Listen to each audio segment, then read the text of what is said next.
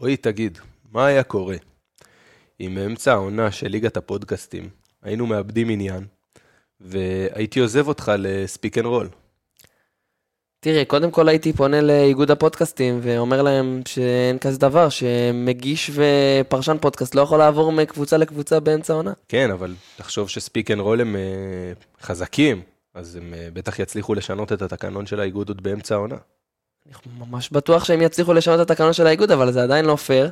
ונראה לי שאתה מוביל אותנו לאיזו סיטואציה קצת חלקלקה פה, לא? אתה רומז אולי לנתנאל ארצי? יאללה, שים פתיח נדבר. פתיח ומדברים.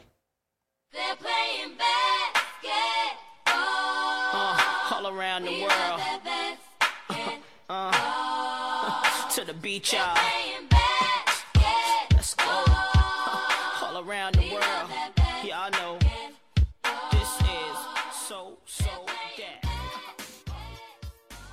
אז שלום שלום לכם מאזינים יקרים שלנו, פרק מספר חי של רק רשת, ואנחנו פותחים עם אה, הנושא הכי חם היום. אה, נתנאל ארצי, נגענו בזה, בזה קצת בפתיחה. ג'ונס, לפני הכל, ולפני כל האירוע של ארצי, איך היה לך השבוע? איך היה לי השבוע? אחלה של שבוע. אמנם המחזור הזה קצת ריק מבחינת אה, כדורסל ישראלי, לפחות בתחילת השבוע שלנו, הוא התגבר לקראת סוף השבוע, אבל אה, אחלה שבוע. הפועל ירושלים מנצחת בשבילי זה שבוע טוב. אני חושב שמבחינה שלי היינו בשבוע שעבר בפיק אה, נורא גבוה, ליאור הגיע פה, ליאור אליהו, ובעצם לא דיברנו על כדורסל בהקשר של מה שקרה פה בשבועיים האחרונים מאז. אז יש לנו גם ירושלמית בפיינל פור של הצ'מפיונס ליג, יש לנו גם את מכבי תל אביב שעשתה חי לפחות אה, באחד מהמשחקים במונקו, ועכשיו היא מגיעה כשיתרון הביתיות ביד שלה. ויש לנו את הפועל תל אביב שסיימה עונה אירופית והודחה. ויש לנו סדרות פלייאוף בליגת ווינר סל שמתחילות כבר אה, להתמרק ולהתגבש, ומאבקים ככה על מיקומים אחרונים. וגם יש לנו זוכה בליגה הבלקנית, אם לא ידעת, הפועל באר שבע דימונה, אה, שמוסיפה לעצמה תואר ראשון לארון. אז יש לנו הרבה הרבה על מה לדבר, אבל הכדורסל חי ונושם, ובגלל זה אני שמח. אה, אז נתחיל עם ארצי ג'ונס, כמו שדיברנו בהתחלה. יאללה, בוא נתחיל עם ארצי. מה זה הדבר הזה? מה זה הדבר הזה? שחקן קיבל אישור, לא קיבל אישור, למה בכדורסל זה תמיד צריך להגיע לאיזושהי סיטואציה משפטית כזו או אחרת? תשמע, לי, לי קשה עם ההחלטה שהתקבלה. אה, אני, אני, בואו נחלק את זה לשניים. קודם כל, אני חושב שיש פה פגיעה בספורטיביות. אמנם עכשיו אנחנו במצב שנסגרה יורדת ואין באמת לאף אחד על מה לשחק בפלייאוף התחתון, בבית התחתון, אבל אם עכשיו אילת סבבה, נגיד היו מסיימים את העונה, ועוד היו מאבקי ירידה. לוותר על, כאילו, קבוצה שנמצאת בבית התחתון ועוד צריכה לשחק נגד קבוצות, מוותרת על, על הישראלי הכי טוב שלה, זה, יש פה פגיעה בספורטיביות. ואני חושב שזה מראש מה שעמד בראש של האיגוד, שזו ה... שזה התקנון שנקבע. התקנון הוא מובן ל- לכל קורא, אני מנסה להבין איך אנחנו מגיעים שוב למצב שהמינהלת קובעת משהו ספציפי, האיגוד קובע משהו ספציפי, הקבוצות עושות משהו ספציפי, ואנחנו בבלגן אטומי, בלגן שלם, שבאמת בסוף פוגע רק בארצי ובשחקן. אני, אני בסוף מסכים עם ההחלטה, עם ההחלטה של בית הדין אה, לאפשר את הדבר הזה, כי אני חושב שיש פה קריירה של שחקן ש...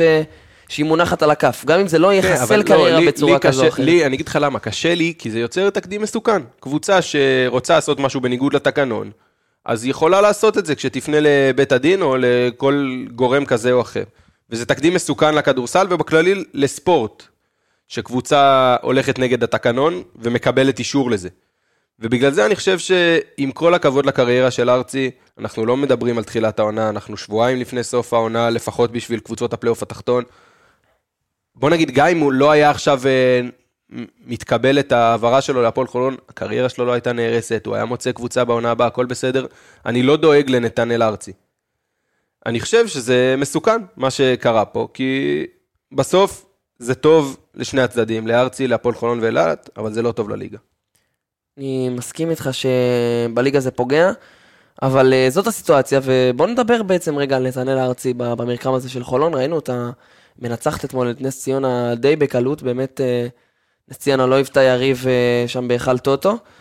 וארצי בתור ישראלי בעמדה 3-4 יכול להוסיף מאוד מאוד לחולון בכל מיני הרכבים וסיטואציות שהיא רוצה לשחק בהם. ברור, דיברנו על החוסר של חולון בישראלים. נכון שראינו אתמול את משגב אה, עם שיא קריירה בליגה עם אה, 18 נקודות. דרך אגב, שלושה שיאי קריירה של ניב משגב אתמול. אה, 18 נקודות זה שיא קריירה בנקודות. אה, 23 מדד זה שיא קריירה במדד, וחמש שלשות זה שיא קריירה בשלשות. אה, אז אה, ניב משגב אתמול אה, נתן הצגה, אבל אה, אני חושב שהארצי יכול מאוד להוסיף לחולון. דיברנו על החוסר גם באופי של ווינריות ומלחמה ו... וכל הדברים האלה אה, שחסרים לחולון, ואני חושב שהארצי הוא בדיוק סוג השחקן הזה. אה, בטח שהוא מגיע אחרי בית הלחמי, נכון? אה, שיחק הרבה שנים אצל בית הלחמי וקיבל את החינוך הזה של כן. הלחימה. ואני חושב ש... שהפועל חולון עושה צעד טוב, שוב פעם, נתעלם רגע מהסאגה המשפטית סביב זה, עושה צעד טוב מבחינתה, לא רק לעונה הזאת. אה, נתנאל ארצי הוא ישראלי מוביל בליגה, וזה טוב להפועל חולון להחזיק אצלה את הישראלים המובילים. אה, יכול להוסיף לחולון הרבה לדעתי. חולון, זה לא עניין של שחקן כזה או אחר. זה עניין בגישה וברגע שלדעתי, ברגע שיגיע הפלייאוף, ושוב פעם יהיה מאני טיים, והפלייאוף טיים הזה לשחק עליו, אז אנחנו נראה שוב פעם את חולון מתעוררת, כי אין לאף אחד עוררין על הכישרון בקבוצה של הפועל חולון, ואין לאף אחד עוררין על היכולת, אולי לך יש עוררין, על יכולת האימון של גיא גודס. אני חושב שהפועל חולון היא קבוצה מצוינת, ולא הייתי פוסל בכלל שהיא תעשה בעיות אה, בחצי הגמר, למי, ברבע הגמר ובחצי הגמר למי אז שלא אני תפגוש מסכים אותה. איתך לגבי ההתעוררות הזאת שראינו בשנה שעברה, אבל אני חייב לציין שהשנה, הפועל חולון במשחקי מאני טיים, דווקא קופאת ולא מצליחה להביא את עצמה לידי ביטוי, ראינו את זה גם בגביע המדינה, ברבע הגמר מול הפועל חיפה, ראינו את זה גם במשחקים שהם די מכריעים בשלב, אה, בשלבים המוקדמים של ה-BCL.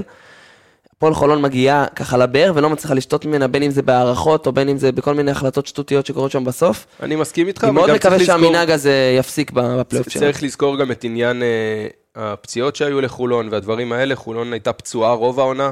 אה, מרווין ג'ונס עם הפציעה בגב, ובורדיון שלא שיחק אה, הרבה מהעונה, ועכשיו עם החיזוק של נתנאל ארצי, אה, ודוסון שהיה פצוע, ורגלנד שנפצע, וקריס ג'ונסון שנפצע, כאילו חולון הייתה סופר פצועה העונה, לא תירוצים, אבל אני חושב שעכשיו, כשבדיוק הסגל מת- מתמלא לו לקראת הפלייאוף, אה, עם החיבור של ארצי, שאני מאמין שהוא יהיה טוב, אה, אני מאמין שזה יעבוד, ואנחנו נראה את הפועל חולון כמו שהתרגלנו לראות את הפועל חולון. ואם נסתכל רגע על החמישייה המסתמנת ככה עם ההצטרפות של נתנאל ארצי, איך אתה רואה את הדברים? סי.ג'יי אריס ורגלנד בקו אחורי וארי, אה, סליחה, ארצי וג'ונסון ב-3-4? ארצי או דוסון, אני לא חושב שזה כזה משנה אה, בסוף. החשיבות שבכדורסל אה, היא לא בהכרח השחקן שעולה בחמישייה חשוב יותר מהשחקן שעולה מהספסל, זה הכל עניין של אה, מומנטומים ו... ורגעים ספציפיים, ואני חושב שזה באמת לא כזה משנה מי יהיה לחמישייה, כי אפשר לשנות מאוד מהר, זה לא כדורגל שיש לנו שלושה חילופים או חמישה חילופים, יש, המשחק הוא דינמי, אה, ובגלל זה אני חושב שזה לא כזה משנה מי יעלה בחמישייה, אני חושב שגודס ידע להתאים את, ה, את השחקנים הספציפיים למשחקים הספציפיים, למצ'אפים שיהיו להפועל חולון, יהיו משחקים שדוסון יתאים יותר, ויהיו משחקים שארצי יתאים יותר, ויהיו משחקים שבכלל משגב יתאים יותר, עם, אה, כשקריס ג'ונסון עולה ביחד עם דלטון ומרווין ג'ונס. אי אפשר לדעת. אנחנו, אני לפחות מאמין בגיא גודס ויודע שהוא יודע לעשות את ההתאמות האלה, ואני חושב שהפועל חולון הולכת לקראת פלייאוף מוצלח. מה שבטוח מבחינת המרקם החברתי, עם החיקוי אה, המוצלח של ארצי לגודס, אני מאמין ש... שיהיה עוד הרבה אה, צחוקים שם בחדר כן, אני. חושב שבכלל המרקם החברתי בחולון הוא טוב, אבל אנחנו לא נמצאים בחדר הלבשה, אני לא רוצה להיכנס לזה יותר מדי עכשיו לזה, אבל אה, הפועל חולון אה, מתגבשת לה לקראת הפלייאוף, בניגוד לנס ציונה שנראית על הפנים. שהדבר היחיד שיכולה לקחת מהמשחק הזה זה עוד אירוע שקשור אה, לדי.ג'יי קופר, הפעם אה, פחות במובן החיובי של המילה. כן, די.ג'יי קופר, אה, דיבר, אני לפחות דיברתי על זה גם כשהוא היה מאוד טוב. אני לא חושב שזה השחקן שיכול לסחוף את נס ציונה לעונה היסטורית. זו עונה טובה של נס ציונה, כן? בוא, גם אם מסיימת אותה בטעם קצת פחות טוב, נס ציונה עושה עונה מצוינת. אבל אני חושב שהקבוצה לא מספיק מאוזנת, דיברתי על זה אז, הקבוצה לא מספיק שומרת. די.ג'יי קופר הוא שחקן מיוחד, אבל הוא לדעתי לא יכול לסחוף קבוצה לשלבים כאילו מאוד גבוהים ומאוחרים. אה, ראינו את זה בהרצליה שנה שעברה, אבל היה לידו את אונוואקו, ו... שבעצם לקח את הקבוצה קדימה, ואת קריס באב ומוריס קמפ. אה, אבל אני חושב ש... שנס ציונה עושה עונה טובה במידות שלה, ולדעתי יהיה לה קשה בכל סדרת פלייאוף שהיא לא תיתקל בה, בין אם זה הפועל ירושלים או הפועל תל אביב. אני לא רואה את נס ציונה מהווה בעיות, או עושה בעיות לאחת האדומות האלה. דיברת על האדומות, הם אה, נפגשו במוצאי שבת, וקיבלנו כהרגלנו העונה משחק שלאט לאט לאט איך שהוא התקדם פשוט התגלגל להפועל ירושלים לידיים. ואני רוצה לדבר על הפועל תל אביב, כי אנחנו רואים שם איזשהו מחסום, לא יודע אם זה מנטלי או שזה פשוט יכולת, שבמצ'אפ מול הפועל ירושלים הם פשוט לא מתמודדים. ובין אם זה אונואקו, שלא מצליח פעם אחר פעם לעצור את הנקינס, ותמיד נכנס לאיזושהי בעיית עבירות, אה, ולא מביא את עצמו לידי ביטוי במשחקים האלה, ובין אם זה ג'ייקובן בראון, שלא באמת לוקח את הקבוצה שלו, ובין אם זה ג'ורדן מקריי, שאנחנו עוד מעט ניגע גם בהבדלים אה, בממוצעים שלו במשחקים אה, נגד הפועל ירושלים אל מול שאר העונה. וכל השחקנים האלה וכל הדברים האלה לדעתי מובילים גם לאיזושהי בעיה באימון שם. ודני פרנקו מפסיד את המצ'אפ הזה פעם אחר פעם, ואני מבין את אוהדי הפועל תל אביב שכל מה ש... ככה מה שנקרא, מה שהולך אצלם עכשיו חזק, זה העובדה הזאת וההבנה הזאת שהם מבינים שהקבוצה שלהם מלאת כישרון, אבל היא לא מצליחה לממש את זה. אה, יסלחו לי אוהדי הפועל תל אביב, אני בדרך כלל רק מפרגן להם, אני לא מסכים איתם. אה, אני חושב שזה אפילו קצת כפיות טובה, ואני אסביר.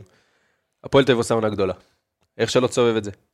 תחילת העונה המטורפת של הפועל תל אביב קצת ש- שקרה, ועכשיו היא באה לרעתה ולרעתו של דני פרנקו, בזה שהציפיות שיסיים מקום ראשון בעונה הסדירה ו... וייקח את היורו-קאפ. אז רבע גמר של אה, יורו-קאפ של הפועל תל אביב זו עונה היסטורית מבחינת הפועל תל אביב באירופה. אה, זה הרבה זמן לא ראו דבר כזה בהפועל תל אביב. ובליגה, אה, מקום שני סלש שלישי, זו עונה מאוד טובה של הפועל תל אביב, שהיא גם מנצחת את רוב הדרבים, שאנחנו יודעים את החשיבות אה, לקהל. ואז נכון, יש לה בעיה במצ'אפ עם הפועל ירושלים, וזה טיפה בעייתי, כי כנראה הן הולכות להיפגש בסדרת חצי הגמר. אבל אני לא חושב שדני פרנקו מאמן פחות טוב מג'יקיץ', או מאמן פחות טוב מקטש, או... אז דני פרנקו מאמן יותר טוב מעודד קטש? לא, הוא מוח כדורסל, הוא- הוא מוח כדורסל מבריק, אני כן רוצה להתעכב על הדברים שהם כן יותר בעייתיים אצלו. דבר אחד, זלמנסון נפצע, ישראלי בכיר, במשחק כזה שיש לך באמת matchup בגבוהים, איך הורד לא נרשם? אבל, אבל מה זה matchup בגבוהים? איזה גבוהים יש להפועל ירושלים? הנקינס ותו לא. הנקינס, ותו שגב, לא, ד... איתי שגב? איתי שגב, נותן תומר נותן גינת וטוקוטו. לא, לא אמרתי שלא. תומר גינת וטוקוטו לא יכולים לשמור את איתי שגב, הוא שחקן post-up. לא, טוקוטו הוא מק- כמו- כמו שהוא נראה העונה, הוא לא יכול לשמור על שום דבר. בסדר, אבל תומר גינת לא יכול לשמור את איתי שגב? יכול, יכול. עדיין הייתי הולך עם קליבר יותר גבוה במשחק הזה, ואני יכול להבין את אוהדי הפועל תל אביב שהתבאסו מאוד מההחלטה הזאת. אתן לך עוד דוגמה, כל האירוע שהיה עם ג'ורדן מקריי. אני מסכים עם פרנקו ב-100% ב- בסיטואציה, אבל שוב, חורה לי איזה משהו, שיש את הכישרון שנמצא, והוא לא ממומש מספיק. כן, אבל אז- לא אוקיי. ראינו העונה משחקים של הפועל תל אביב, מעבר לכמה משחקים באירופה ששם זה באמת התפוצץ, בליגה שהיא באמת דורסת לאורך כל גם המשחק. דרבים שהתפוצצו פה, אנחנו לא מצפים שהפועל תל אביב תתן זה מה 20 שאני הפרש. למכבי תל אביב, אבל הרמת לי להנחתה עם ג'ורדן מקריי. אז ג'ורדן מקריי, אה, במשחקים נגד הפועל ירושלים, 4.5 נקודות למשחק, 20 אחוז ל-2, 42.9 אחוז מהקו. דני פרנקו אשם בזריקות העונשין של ג'ורדן מקריי? ממש לא. ג'ורדן מקריי במשחקים של לא מול הפועל ירושלים, כמעט 17 נקודות למשחק, 53.6 אחוזים לשניים, ומעל 81 אחוז מקו העונשין. אז מה, שם פתאום פרנקו כן מאמן גדול, כשג'ורדן מקריי קולע מהקו? אני חושב שאתה פשוט לוקח את זה לדברים שהם קצת, אתה יודע, קל להגיד את אבל זה. למה, הנה, תראה, הבדל של מעל 12 נקודות. בוא נשווה אחוזים למאמן. אתה לא יכול להתכחש לעובדה שגם על פרנקו כל הסיטואציה הזאת, אוקיי, שנייה, אני. אני, אני אגיד את זה אחרת. כולם טועים, יכול להיות ש... לא יכול להיות. דני פרנקו טעה בהחלטה ב... נגד הפועל ירושלים, לרשום את אה, טוקוטו ולא את הורד, מה גם שאנחנו לא, לא מכירים את הכשירויות של השחקנים, יכול להיות שהורד מרגיש משהו, לא יודע. בגדול, היה עדיף לרשום את, את ג'יילן הורד על ג'יי פי טוקוטו, בסדר? אבל כולנו בני אדם וכולנו טועים, ואני חושב שגם פרנקו עצמו יודע שהוא טעה. אבל מכאן ועד להשליך על זה שהפועל תל אביב צריכה מאמן אחר, ודני פרנקו לא מאמן מספיק טוב, ואולי צריך מאמן זר בכלל בהפועל תל אביב, הלכנו קצת רחוק. אז אתה אם אני מסכם את דבריך, לקראת העונה הבאה אומר לאוהדי הפועל תל אביב, תירגעו, יש לכם מאמן מצוין שעשה עונה גדולה, ואתה לא רואה שום לא צורך... נגמרה, אה, העונה עוד לא נגמרה. אבל הוא כבר עשה עונה אבל. בינתיים העונה של הפועל תל אביב, לדעתי מעל הציפיות, אני לא הצבתי את הציפיות בהפועל תל אביב, אבל לדעתי מעל הציפיות.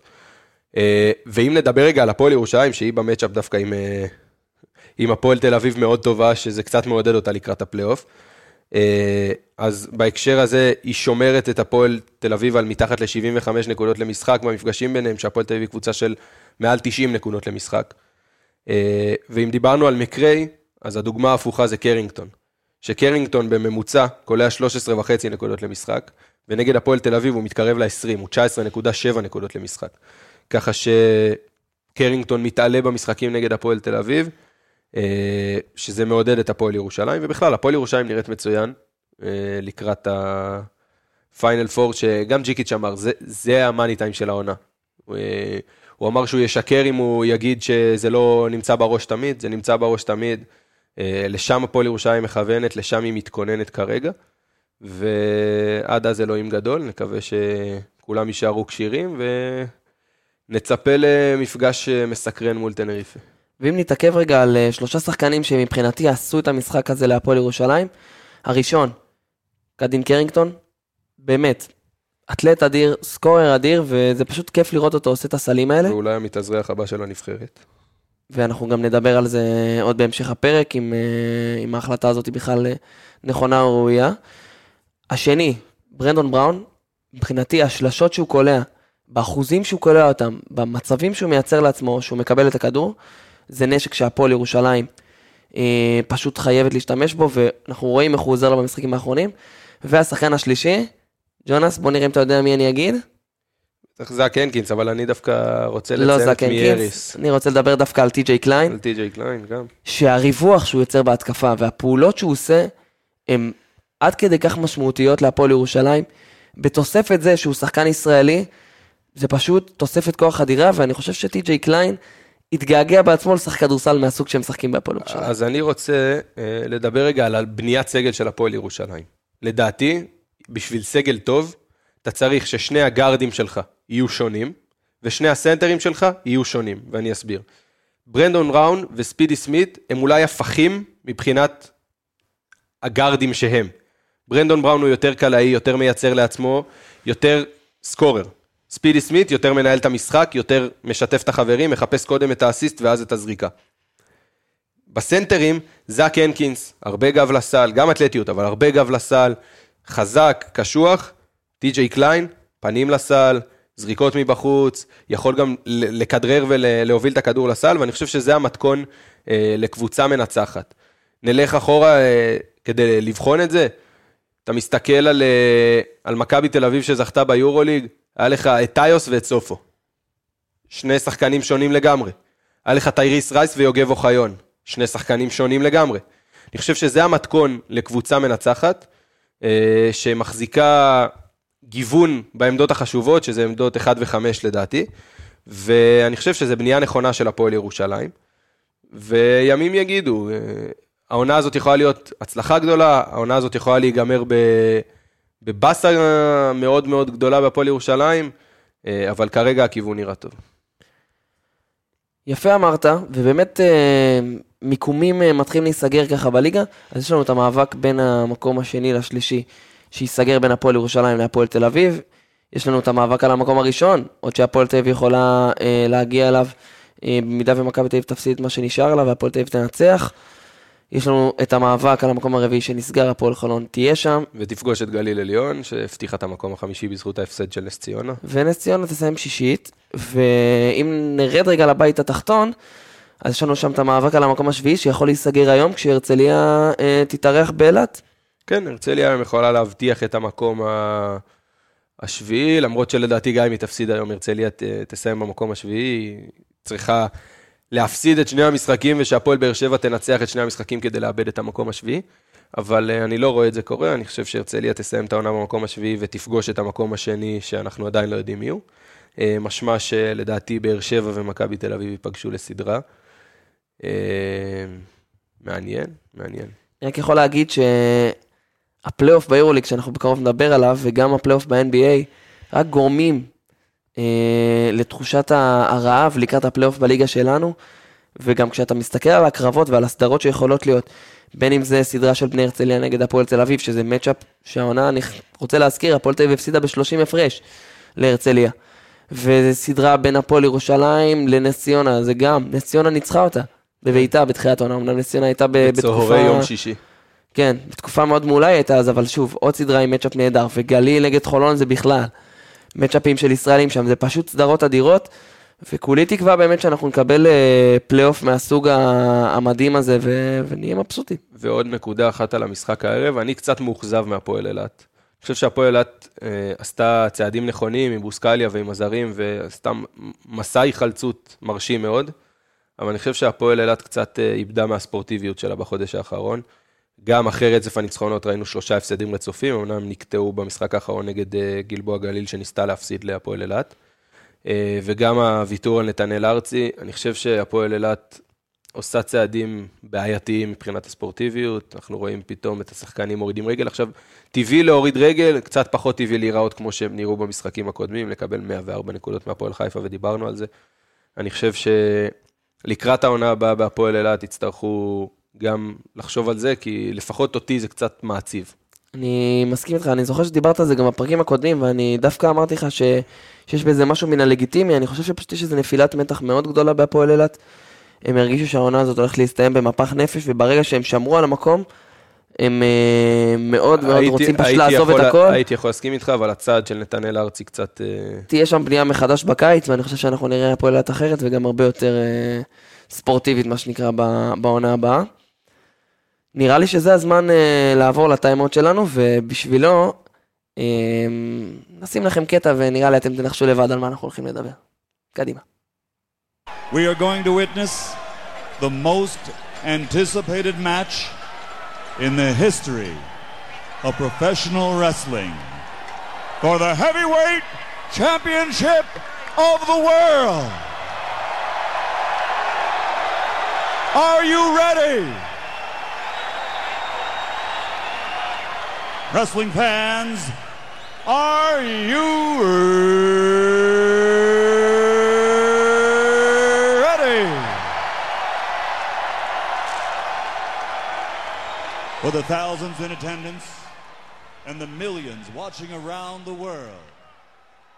From the capital city of the אז אה, ג'ונס, קודם כל, אתה יודע על מי המדובר, אני מניח מייקל באפר האגדי, שנתן לנו את אות הכניסה אה, לדבר על הקרב, ואני קורא לזה בכוונה קרב, כי זה מה שזה היה, במדריד.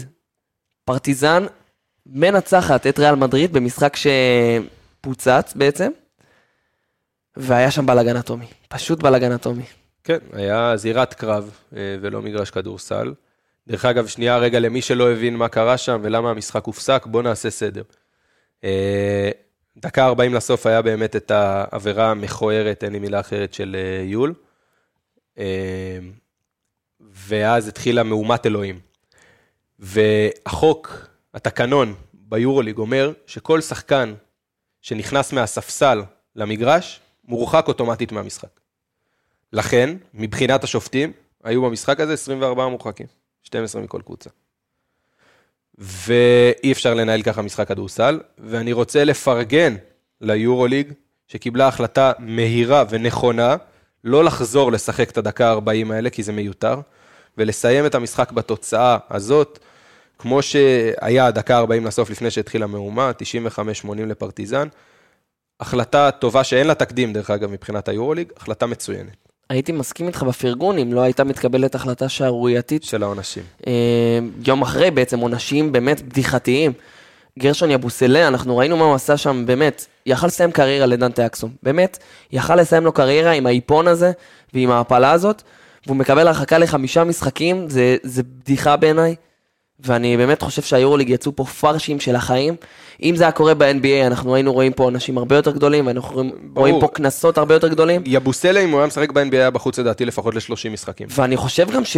שהאמות מידה של העונשים, בסוף גמרו לפרטיזן סדרה באיזשהי מקום, הם צריכים לנצח את הסדרה, אבל בלי פנתר בוא... ובלי לסור לשני משחקים, וגבריאל דק, שהוא זה שבא וחונק, הוא זה שבא וחונק, כן, לעשור משחק אחד.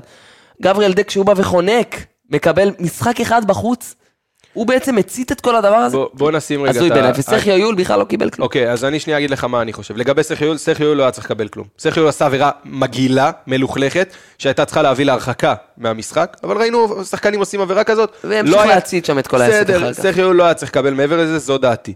גרשון יבוסלה, בקונסטלציה מסוימת, פותח את העונה הבאה בריאל מדריד. אם ריאל מדריד חוזרת לסדרה הזאת ו... ועוברת אותה, אז חמישה משחקים של ריאל מדריד יהיו העונה, וגרשון יבוסלה חוזר לעונה הבאה של ריאל מדריד, מהמשחק הראשון. לא נורמלי. גרשון יבוסלה היה צריך לפחות עשרה משחקים בחוץ לדעתי, זו דעתי, לפחות עשרה משחקים בחוץ. אה, גבי דק היה צריך לקבל עונש יותר חמור. בסוף, שחקני ריאל הם אלה שהלכו יותר מכות נקרא לזה, ומי שנדפקה מהאירוע זה דווקא פרטיזן בלגרד. כי פרטיזן בלגרד, אקסום סיים את העונה, מהפציעה, מהאיפון של יבוסלה. פנתר, בחוץ משחקים. לשני משחקים. ונוצרה סיטואציה בעצם, שאם ולסוף- פרטיזן... אז זהו, אז אני שאלה. אני שאלה. כן. אתה עכשיו ז'ליקו אוברדוביץ'. האם אתה חי בשלום עם הפסד במשחק מספר 3? אני לא אגיד מפסיד בכוונה, כי אני אגיד רגע את דעתי. פרטיזן לא יכולה להרשות לעצמה להפסיד בכוונה, כי היא לא מספיק טובה כדי לדעת בוודאות שהיא מנצחת את משחק 4. כי אם, אם זה היה המצב, הייתי אומר לך, פרטיזן צריכה להפסיד בכוונה, ולנצח את משחק 4, ולקבל את פנתר חזרה ל...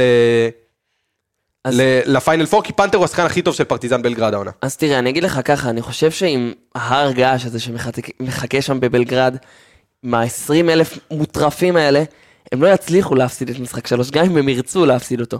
אבל במידה והסיטואציה היא כזו שמשחק שלוש אה, הוא ניצחון של ריאל מדריד, אני לא חושב שבפרטיזן צריכים כל כך להתבאס, אני חושב שהם יכולים לנצח את המשחק השני נכון, בבית. אבל, אבל אני לא, אני, דרך אגב, לדעתי, לא כזה מופרך שריאל מנצחת את הסדרה הזאת. ריאל הרבה יותר עמוקה מפרטיזן בלגרד, וההרחקות, ריאל תוכל להתמודד עם ההרחקות שהיא ספגה ביתר קלות אני מאשר פרטיזן בדיוק, בלגרד. אני חושב שטוורז, ככה, במצ'אפ מול לסור במשחק שלוש, לסור לא ישחק, אז אה, זה יתרון גדול לריאל עד עכשיו מדריד. טוורז לא שיחק, אז זה מתקזז, נכון. אבל אה, אני, אני רואה, אני חושב שפרטיזן ינצחו את הסדרה הזאת. אה, ים הדר לדעתי נתעסק בו אחר כך בהשלכות שלו עם ההרחקות האלה, מה כן ומה לא. ואני חושב שמחכה מחכה לנו לפחות מחר משחק מטורף. אז אירוע באמת מכונן ומכות כאלה לא ראינו הרבה זמן.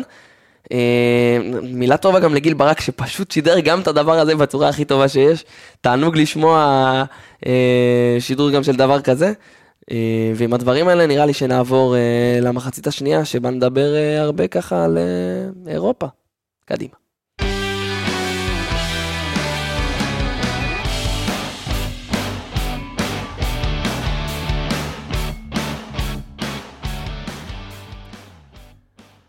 אז לפני שאנחנו יוצאים למחצית השנייה, אני רוצה לצרף אלינו את uh, ברק חקלאי. ברק, שלום לך.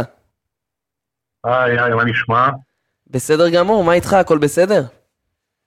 כן, מורה, כיף שוב להתארח אצלכם. כיף, כיף שאתה כאן. אה, אז לפני שבאמת נתחיל לדבר על האירוע המרכזי של הישראליות באירופה, שזה כמובן מכבי תל אביב נגד מונקו, והמשחק השלישי בסדרה שיתקיים מחר. הפועל באר שבע זכתה אתמול אה, בליגה הבלקנית, וג'ונס, אתה אה, רוצה לספר לנו קודם כל מול מי זה היה ולמה יש שם פיקנטריה קצת? אז הפועל באר שבע ניצחה אתמול את אה, KB פיה, פיה, אה, קבוצה מקוסובו, שמאמן אותה לא אחר מאשר רמי אדר. שאימן את הפועל באר שאימן שבע. את הפועל באר שבע, אפילו אימן אתמול עם לוח של הפועל באר שבע, שזה היה באמת אחד האירועים הכי מצחיקים שאני ראיתי במשחק כדורסל, שמאמן אה, של קבוצה יריבה מחזיק אה, בלוח של הקבוצה שנגדו, זה היה באמת אה, בלתי נתפס. אבל אה, אני חושב שהפועל באר שבע, בסדר, עשתה הישג טוב בשבילה, צריך להגיד, זה התואר הראשון של קבוצת הכדורסל הפועל באר שבע. אה, כל תואר שהוא. וזה צעד למועדון. לא שהליגה הבלקנית ידועה ביותר מדי זה, וגם ראינו בעיות השנה בליגה הבלקנית, אבל בסוף, עוד דקות לשחקנים, שחקנים שלא מקבלים את ההזדמנות פה בליגה משחקים, ואני חושב שגם אם הפועל באר שבע לא הייתה מנצחת אתמול, עצם ההשתתפות בליגה הבלקנית והעוד השתפשפות לשחקנים, אה, זה היה שווה את זה. מה גם שלזכות בתואר זה תמיד כיף ותמיד אה, מרגש. אה, אז ראינו את החגיגות של הפועל באר שבע, ושאפו להפועל באר שבע. ובאמת שתי המסגרות בהן הפועל באר שבע משחקת תרמו לה בצורה כזו ש... שהיא גם משחקת עם אה, יותר זרים. וראינו שני זרים שמבחינתי העונה הם הזרים של הפועל באר שבע, אני מדבר על אה, דיוויד אפיאני ועל בן מור. באמת, שני זרים ברמה מאוד גבוהה, אני לא אופתע אם אני אראה אותם באחת הגדולות אה, בליגה שלנו בעונה הבאה, לפחות את אחד מהם. וברק, זה באמת תואר לבאר שבע, ו... וכמו שג'ונס אמר, התואר הראשון שלה אי פעם. ממה שאתה מכיר ומכל המרקם הזה שיוצר שם ליאור ליובין, הם יכולים להיות מרוצים בבאר שבע. קודם כל ברור, באר שבע זה לא מועדון אה, גדול שרגיל לזכות בתארים, בטח לא בתארים אירופאיים. אה, זה אחלה בשבילם. אה, אני לא יודע אם אתה יודע, זה יכול להקפיץ מבחינת הרמה, כי בסוף יודע, זה מפעל יחסית קטן, אבל אה, דיברת על בן מור, אני חושב שזה בסיפור נחמד על בן מור. שחקן שכבר שלוש שנים בערך כל הליגה רודפת אחריו. הרעש מכדורסל, באמצע הקורונה כזה, נמאס לו, חזר פתאום לשחק בעונה הקודמת בליגה בפורטוריקו, אם אני לא טועה, ואז בקיץ שוב כולם רדפו אחריו, אה, גם בכסף גדול, אני יודע שנס ציונה הסכימו שם הרבה מאוד כסף, אה, אבל הוא בחר בסוף בבאר שבע, אה, גם בגלל הרקע שלה עם פיתוח שחקנים, מכירים כולם את הסיפורים על כלב אגדה ועל אמיר בל ודייק פרדון, זה מאוד משך אותו. יהיה להם מאוד קשה להשאיר אותו בעונה הבאה. אה, לגבי באר שבע, אם כבר צריכה לדבר על המועדון, יש להם תקרת זכוכית מאוד ברורה, עד שהם לא ישחקו באירופה, במפעל כמו היורו-קאפ למשל, אה, יהיה להם מאוד קשה להתקדם, בין אם להגדיל את התקציב, אתה יודע, מבחינת ספונסרים שיביאו, אה, דברים כאלה. אני יודע שהם מאוד רוצים את זה, שנה הבאה זה כנראה לא יקרה בגלל שהם יסיימו מקום שמונה או שבע, ובדרך כלל בישראל יש כן. חמישה, שישה כרטיסים לאירופה. אה, אם וכאשר זה יקרה, גם זרים יותר איכותיים יבואו, ולא זרים כאלה של, שדניאל רביץ, המנהל מקצועי, מוצא אותם בליגות אה, חצי קיקיוניות כאלה, ואז הם עולים אצלם. אה, אבל אחלה תואר, מועדון באמת אה, חשוב לכדורסל הישראלי באר שבע. אז שאפו להפועל באר שבע, שולחים את איחולנו מכאן לכל הנוגעים בדבר, ונעבור באמת לסדרה הגדולה של התקופה האחרונה, מכבי תל אביב נגד מונקו, אחת אחת בסדרה, מנצחת את המשחק הראשון, מפסידה את השני, ומחר יום שלישי יהיה בלגן אטומי בהיכל מנור המבטחים. בלאגן במובן החיובי. במובן החיובי, כי כבר ראינו את האוהדים מתכוננים, אה, וגם שמענו על מה האוהדים עברו שם, ואני בטוח שזה יחלחל לשחקנים. תהיה אווירה מדהימה, ג'ונס. כן, אה, לגמרי תהיה אווירה מדהימה, מה גם שקצת הדליקו את האוהדים של מכבי תל אביב, גם השופטים וגם אה, האיסור על הכנסת ציוד עידוד, שבסוף כן נכנס, וכל הדברים האלה, זה קצת להעיר את הדוב, זה קצת מה שאייק עשו להפועל ירושלים, ואז אה, אה, עשו להם פה את המוות, ואני חושב שאוהדי מכבי תל אביב ייתנו לנו הצגה מחר. מכבי תל אביב עשתה את העבודה בצרפת, נכון, היא ניצחה את המשחק הראשון, ואז המשחק שני היה קצת מאכזב, אז כאילו הטעם שחוזר הוא קצת טעם רע, אבל מכבי תל אביב עשתה את העבודה שלה בצרפת, חזרה עם ניצחון חוץ, מה שהיא הייתה צריכה לעשות, ורחוקה שני ניצחונות בית מהפיינל פור. הביתיות אצלה. הקבוצה, קבוצת הבית הכי טובה ביורוליג, רחוקה שני ניצחונות בית מהפיינל פור. כל, אם זה לא קבוצה שיש לנו קשר אליה, היינו אומרים, ודאי בפיינל פור. כן. אבל יש לנו את ה... אנחנו נזהרים קצת שאנחנו מדברים על הישראליות, כ... שלא יבעטו בדלי או משהו כזה. אה, אני חושב שמכבי תל אביב מגיעה טוב למשחק הזה,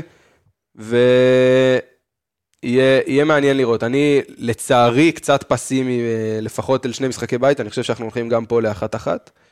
אה, יהיה, לדעתי, מכבי תל אביב תנצח מחר, אבל. וברק, בהקשר של ההכנה למשחק, אז ראינו באמת את אה, קטש מהמר על הכלייה של מונקו במשחק הראשון, ויוצא גדול, באמת מונקו כלו באחוזים מזוויעים, 4 מ-26, ומכבי תל אביב התמודדה והצליחה להמר בגדול. במשחק השני זה פחות עבד, כי ראינו שם את ג'ורדן לויד צולף ללא הכרה, ואת מונקו משפר את האחוזים שלה ל-11 מ-30, 36.7 אחוז.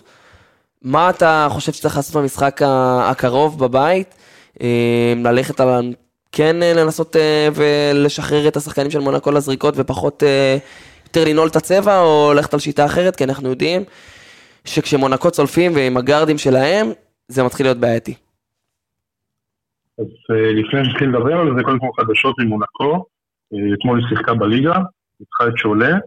התוצאה פחות חשובה, קרה שם משהו שיכול להשפיע על הסדרה. צ'י ממונקה הפורום שלהם חזר לשחק אחרי איזה חודש של פציעה. אה, עכשיו, אם במשחק קודם הוא עשה עשה שם בלאגן מבחינת הגנה על לורנזו באון, אז מונקי זה שומר אפילו יותר טוב. פורד בגובה של מטר 96, שנה שעברה זכר בתואר אה, ה-MVP של ה- של ליגת האלופות. התחיל את העונה בסקרמנטו קינגס, אה, הוא חתם שם כי מייק בראון, המאמן של ניגריה, שעוסק בנבחרת שם, אה, רצה אותו, אבל הוא באמת שיחק, בק- אה, בינואר. פחות קליעה. אבל. כן, אבל הגנה הוא מדהים, ומונקו שיטקה, אפשר להגיד לורנזו בראון, אפשר, אתה יודע, לגמרי. אה, גם על בונדין יכול לשמור, זה מאוד מאוד קריטי. אה, שיחק 21 דקות, כאילו הוא בעניינים שם, גם היה לא רע בכלל. אה, עכשיו מבחינת המשחק עצמו, אה, אני מאמין שאוברדוביץ' יפתח עם אותה חמישייה במשחק השני, כלומר שני שינויים שהוא שם בחמישייה הראשונה, הוא פתח גם עם וואטרה וגם עם ג'ורדן לויד, במקום מוקובו ודיאלו, וזה בעצם שחרר את הכלייה, לויד קלר אה, בלי בעיה, וההימור הזה שקטש לא עבד. אני הייתי עושה, אולי משנה קצת לחמישה של מכבי. ראינו שאיליארד אה, נראה טוב בתקופה האחרונה, גם בסדרה הזאת.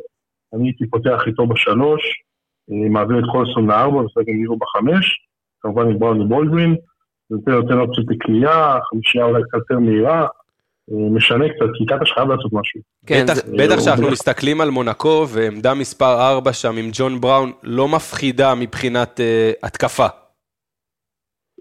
כן, בדיוק, נכון.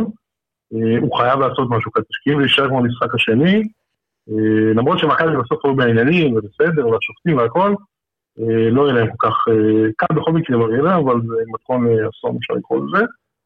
אה, והוא חייב איכשהו להכניס חזרה את לעניינים את קולסון, את מרטין ואת סורקין. אמרת, אמרתי, אני חושב שהשחקן שהכי חסר למכבי תל אביב עד עכשיו בסדרה זה ג'רל מרטין, כי בונזי כן, במשחק הראשון הוא היה טוב, הוא כלה שלשות חשובות, אה, אבל ג'רל מרטין, אפס נקודות במשחק הראשון, אה, שלוש במשחק השני, ואני אכנס לך פה, ג'ונס, ואני אגיד שזה עניין של ביטחון אצלו.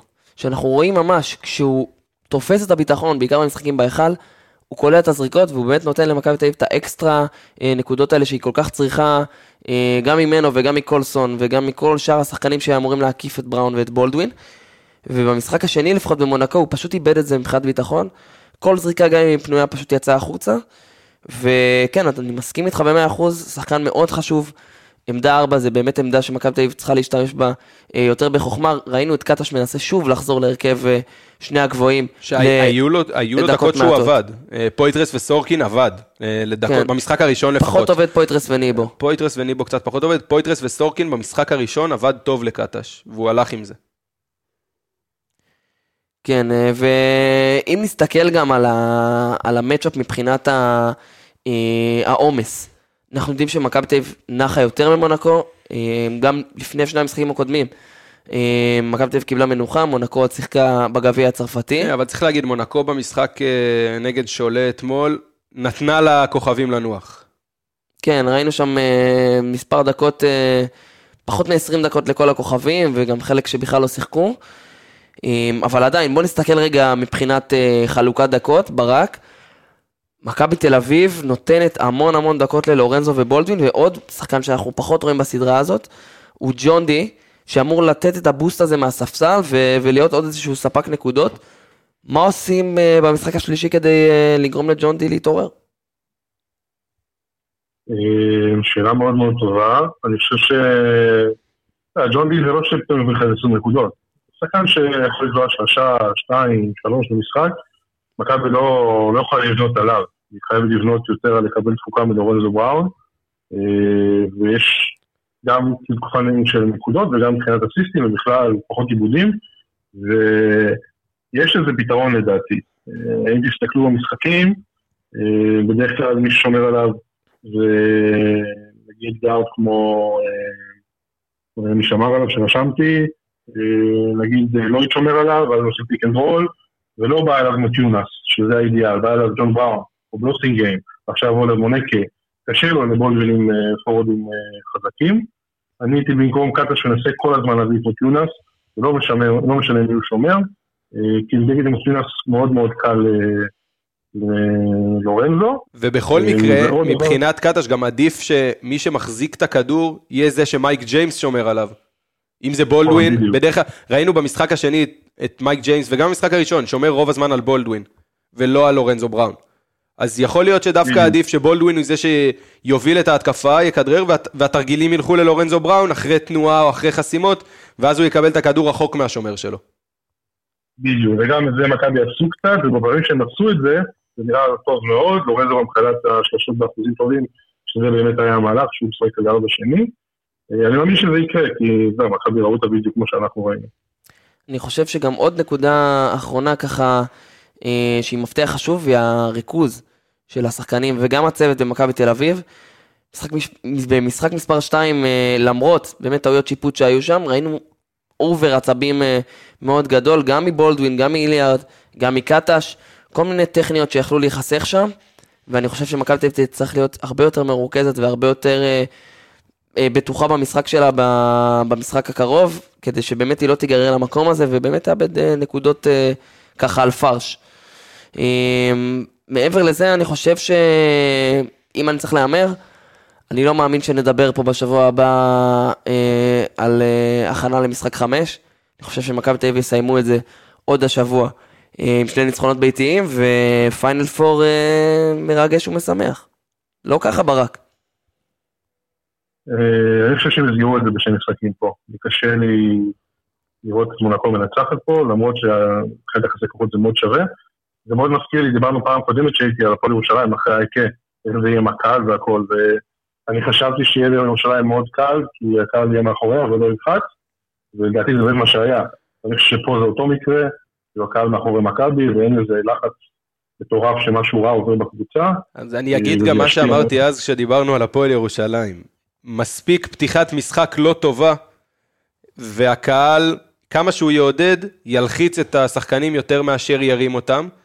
אה, אז אני חושב שהרבה ייפול ויקום וייפול על פתיחת המשחק, אה, על הרבע הראשון של אה, מכבי תל אביב, כי מכבי תל אביב תהיה טובה ברבע הראשון, לא, לא בהכרח תברח להפרשים גדולים או משהו כזה, אבל תהיה טובה ותהיה במשחק, אני חושב שאז הקהל יעיף אותה קדימה, ו, ושם באמת היתרון של הביתיות של מכבי תל אביב. ברק, אז תישאר איתנו רגע, אם נצא רגע מהסדרה של מכבי נגד מונאקו, לעוד שני אה, נושאים קטנים ככה שקשורים לישראלים באירופה. אז דיברנו בטיימאוט שלנו באמת על האירוע במדריד, וג'ונס, קח אותנו לים הדר, ואיך הוא יכול לנצל את הסיטואציה הזאת לטובתו. אוקיי, אז לפני שאיך הוא יכול, אז מה עשה ים הדר עד עכשיו בסדרה נגד ריאל מדריד? אנחנו מדברים על חמש נקודות למשחק, אה, אסיסט וחצי, ריבאונד וחצי, ב-13, קצת מעל 13 דקות למשחק. אה, אבל ים הדר היה טוב, אל תיתנו למספרים אה, להטעות אתכם שהם לא כאלה מרשימים, ים הדר היה טוב בדקות שלו נגד אה, ריאל מדריד, בטח במשחק הראשון, גם במשחק השני, בגרות בניהול המשחק, ראינו אותו גם עולה חמישייה במשחק השני אחרי המשחק הראשון המצוין. מאוד בוגר, מנהל את המשחק מצוין. עכשיו, ברגע שפרטיזן תגיע למשחק בלי פנתר ובלי אקסום, בגרות וניהול משחק כבר לא יספיקו. צריך נקודות. אה, פרטיזן חייבת נקודות, וים הדר הוא עוד אחד שיכול לספק לה נקודות. לים הדר יש פה הזדמנות. כי משחק טוב של ים הדר, עם החיסורים של אקסום ופנתר, ואם פרטיזן מצליחה לנצח בלעדיהם, כשים הדר מייצר נקודות, אני חושב שזה ייתן לו כמה פלוסים, כמה פלוסים גדולים אצל אוברדוביץ' אה, לקראת הפיינל פור. וברק, איך אתה רואה את הסיטואציה הזאת של ים, ובאמת את הקשר שלו בכללי עם אוברדוביץ' ולהמשך הסדרה? קודם כל, הוא לא יכול לבקש הזדמנות יותר טובה מזו. אה, לריאל גם ככה אין יותר מדי רכזים, והוא פחות או יותר הרכז היחיד, נגיד, עם אה, אלכסה אברמוביץ', כי אקסיום זה לא רכז. כאילו, אברמוביץ' שמנסה להפוך אותו לרכז, אבל הוא לא רכז. זאת אומרת שבכל מקרה יקבל דקות, כי אין ברירה, אין פה יותר מדי אפשרויות. אני גם מעריך שאברמוביץ' יפתח איתו, כי הוא אוהב לפתוח איתו במשחקי הבית. זה מכניס את הקהל לטירוף עם המהלכים שלו. ים מאוד מאוד השתנה אה, בשנתיים אצל אה, אוברדוביץ', שחקן הרבה יותר אחראי, אה, משחק יותר נכון, לא פרוע כמו שהיה בהפועל תל אביב. אה, אני מאמין שהוא יהיה טוב במשחק הזה, וזה יפתח לו באמת להמשך העונה, כמה שנשארו משחקים, אולי גם לעונה הבאה, הרבה מאוד אופציות. אני רק יכול לקוות שמה שאתה אומר באמת יקרה, ואולי גם נראה אותו באיזה ליגת קיץ, ככה, אתם יודעים, בוסטון אולי תחליט ש... שמתאים לה. אמ, ונראה לי שבהקשר הזה אנחנו יכולים להיות בטוחים ש... שנקבל איזושהי הופעה שהיא מספקת. בהקשר אחר, אנחנו רואים את אה, גבי צטשווילי בליגה הגרמנית, תחת אורן עמיאל. אולי מספק משחקים אה, סבירים, אבל הקבוצה לא מצליחה, ג'ונס. לא, אה, במברג אה, בתקופה מאוד מאוד חלשה, אנחנו מדברים על שמונה הפסדים בעשרה משחקים. אה, תצטרך, נקרא לזה נס, כדי להפיל לפלייאוף. אה, וזה קצת קשה לשחקן ישראלי צעיר בקבוצה בחו"ל, בסיטואציה כזאת שהקבוצה ממש לא מצליחה לייצר, כאילו לייצר משחקים מאוד מאוד טובים. אנחנו רואים את גבי נותן אה, מספרים יפים ומשחקים לא רעים, אבל כשהקבוצה ככה אה, בירידה, אז מן הסתם כולם יורדים איתה. ברק, רשמים שלך על העונה, על, על גבי עצמו? קודם כל, הכל זו עונה ראשונה שלו באירופה, לשים את זה ב- בפרופורציות. אה, אבל אני חושב שכאילו הבחירה שלו בקיץ הייתה טובה, זה לא ליגה, לא ליגה שהכי מתאימה בשבילו. אה, כאילו ליגה, בוא נגיד שזה באיטליה, או אפילו ביוון היה יותר מתאים לו, בספרד הוא היה פורח בכלל. ספרד בכלל עם הכדורסל המהיר שם, היה חוגג. כן, בדיוק, כדורסל יותר מהיר, הוא עושה ספרינטים, פחות על סנטרים שמקררים, ובגרמניה יש הרבה סנטרים חזקים. אה, ועדיין, אחרי הכל, כאילו ראו אותו, הוא עוסק באירופה גם שם, ביורופ קאפ, הם הגיעו רחוק, ואני מקווה שמשם הוא יתקדם למקום אחר באירופה, או ליגה אחרת, אני בשבילו שלא יחזור לארץ, כאילו, חבל, באמת חבל. שרק נראה אותו מצליח, ובעיקר גם בנבחרת שלנו. ברק חקלאי, תודה רבה. תודה לכם, תודה לכם. תודה, תודה. אמ, אז תם לו החלק השני, ואנחנו עוברים לדבר אה, על כמה דברים אה, מאוד אה, מעניינים בהערכה שלנו. קדימה. ג'ונס, קח אותנו לליגה הלאומית, כי אני יודע שיש שם שתי סדרות, חצי גמר, שהן פשוט לוהטות, ושתי קבוצות שכרגע מובילות 1-0 על הזכות אה, לעלות לליגת העל. לגמרי. אה, אנחנו מדברים על ארבע הראשונות של העונה הסדירה שהגיעו לסדרות חצי הגמר. עפולה שסיימה במקום הראשון נגד אליצור נתניה שסיימה במקום הרביעי, ומכבי רמת גן שסיימה במקום השני נגד אליצור אשקלון שסיימה במקום השלישי. שני המשחקים הראשונים אירחו אותם עפולה ורמת גן, שמחזיקות ביתרון הביתיות, ושמרו על הבית, מה שנקרא, וניצחו. אה, אז בואו נתחיל רגע לגעת בקבוצות, כי אנחנו קרובים לליגת העל. אה, אנחנו מתקרבים. כן, אנחנו אני- נזכיר, שתי קבוצות עולות לליגת העל. ונתחיל ונדבר על המשחק שהיה אתמול, עפולה נגד אה, אליצור נתניה. באליצור נתניה שני כוכבים מאוד גדולים, גם איתן בורג, גם בן שרף. מחברים אה, 6 מ-23 מהשדה ביחד, אחוזים לא טובים. וזה היה משחק שהוא דווקא היה די צמוד, לפחות אה, במחצה הראשונה, נתניה אה, הובילה בשלוש. רבע שלישי גדול של עפולה, ובכלל, מחצית גדולה שלה, נתנו לה את היתרון עם אה, 80-62. כן, השינוי של עפולה בחצי השני היה תומר אסייג. אה, תומר אסייג הוא פריצת העונה בליגה הלאומית, ונבחר גם לחמישיית העונה. הוא כלה 17 נקודות במשחק, 15 מהן במחצית השנייה, וזה זה היה השינוי הגדול של, אה, של עפולה, ביחד עם ג'ימי הול, שנותן עונה מטורפת, ה-MVP כמובן של העונה הסדירה. אה, אנחנו מדברים על double double בממוצע, כמעט 18 נקודות, מעל 10 ריבאונדים למשחק. אה, מאוד מרשים מה שקורה בעפולה. בוא נגיד את זה ככה, נתניה, לדעתי הקבוצה הכי מוכשרת בליגה, מבחינת כישרון נטו. אין, אבל- אין, אין ניסיון. אבל השחקנים של נתניה עדיין לא עשו את ה switch בראש שאנחנו בפלייאוף. אין ניסיון. כדורסל של פלייאוף הוא לא כדורסל של עונה סדירה. והכישרון של נתניה נתקל בחומה בצורה של עפולה, בשחקנים שנלחמים, נופלים על הפרקט, נותנים את הגוף בהגנה, ואנחנו נצטרך לראות את... אה, דיברת על איתן בורג ועל בן שרף, עושים את ה upgrade הזה לכדורסל של פלייאוף, ומצליחים גם בלחץ וגם באינטנסיביות של הפלייאוף לייצר אה, את המשחקים הטובים שלהם. אה, ולא רק הם, גם ג'סטין רובינסון, הבן של האדמירל שראינו אותו כן. פה בארץ, שנתן עונה מאוד מאוד טובה, גם הוא ייכנס לעניינים. אני לא מאמין שאנחנו הולכים פה לסדרה קלה לעפולה, אני חושב שאנחנו נלך פה לסדרה קשה. אה, מה גם שנתניה, כולנו זוכרים את העלייה שלא עלתה אה, לליגת העל, כן. היום יש שם אולם. וכבר זה לא יקרה. בוא נגיד את האמת, אין שם אולם, האולם של. נתניה עדיין לא זה, אבל לפי התקנון, אה, קבוצה שמציגה תוכניות קיימות לאולם, יכולה לארח באולם אחר, אולי באונרבוקס בחדרה. אה, בוא נראה רגע אם נתניה תעלה, מה, מה בדיוק יקרה שם. אה, אני לא בעד אה, נדידות של קבוצות לאולם, לאולמות מחוץ לעיר. גם כי- אני חושב שברגע שיהיה אולם שם, זה מועדון שהוא כן חשוב לליגת העל, ויש שם. קהל של כדורסל גם. לגמרי, לגמרי, אני חושב שאנחנו הולכים פה לסדרה מאוד מעניינת. קח אותנו לאשקלון ולרמת גן, שמזכירה קצת נשכחות, ואולי סוף סוף אה, יהיה לנו רמת גנית בליגת העל. מכבי רמת גן קבוצה מצוינת. אה, אולי הקבוצה הכי טובה ב... בליגה בליגה הלאומית. אה, מבחינת הכל, כאילו, גם שמוליק ברנר וגם כל החיבור של הסגל, עם קווין קייפרס של מעל 20 נקודות למשחק, ועם טרידוול שאנחנו מכירים אותו מליגת העל, שמציג לנו ממוצע double double די מפלצתי של כמעט 14 נקודות וכמעט 12 וחצי ריבאונדים למשחק.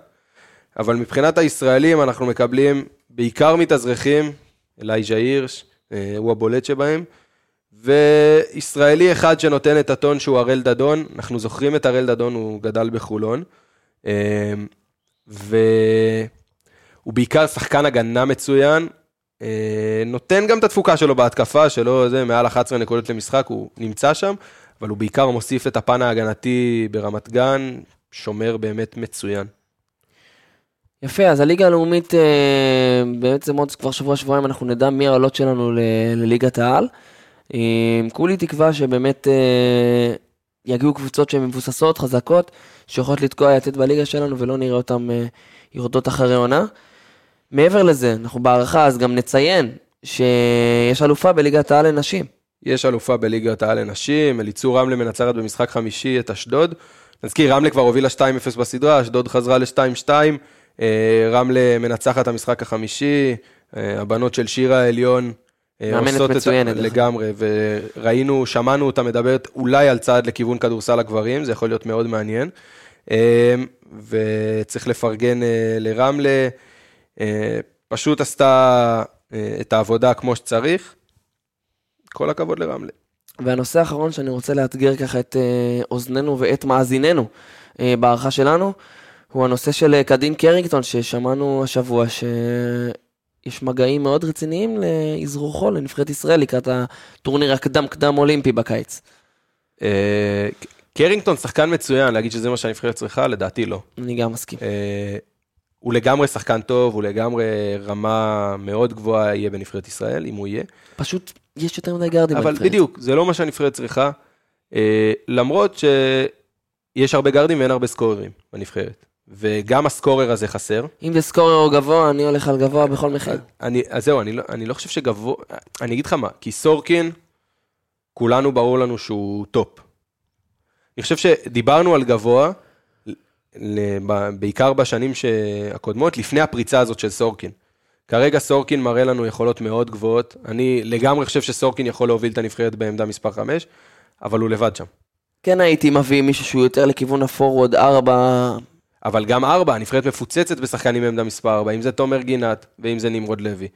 אה, ודני שיכול לשחק בעמדה מספר 4. אבל כנראה ו- שחלק ממה שאמרת בכלל לא יהיה בטורניר בקיץ. יכול להיות, אני, בוא נגיד, אני גם חושב שהנבחרת צריכה שחקן שהוא סגנון אחר, אבל הנבחרת חסרה גם סקורר, וקרינגטון יכול לעזור לנבחרת. אם תשאל אותי אם אני מסכים עם מזרוח של אה, שחקנים בלי זיקה, אה, אני רוצה להגיד שלא, אבל אני גם לא רוצה להיות, אה, להתייפייף ולהגיד ש, שזה, בסוף זה המגמה בכל העולם, ואנחנו נצטרך להתיישר אליה אם אנחנו רוצים להצליח. אה, לורנזו בראון אין לו זיקה לספרד, והוא הוביל אותה לזכייה ביורו-בסקט. לגיטימי. אה, כן, לגיטימי.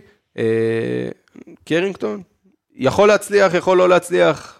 אלוהים גדול, אנחנו עוד לא יודעים בכלל אם זה קורה, לא קורה. וכמו תמיד אצלנו במדינה ובאיגוד, אנחנו נחיה ונראה ונצטרך להמתין ולחכות, כי חרושת השמות היא גדולה מאיתנו. לגמרי.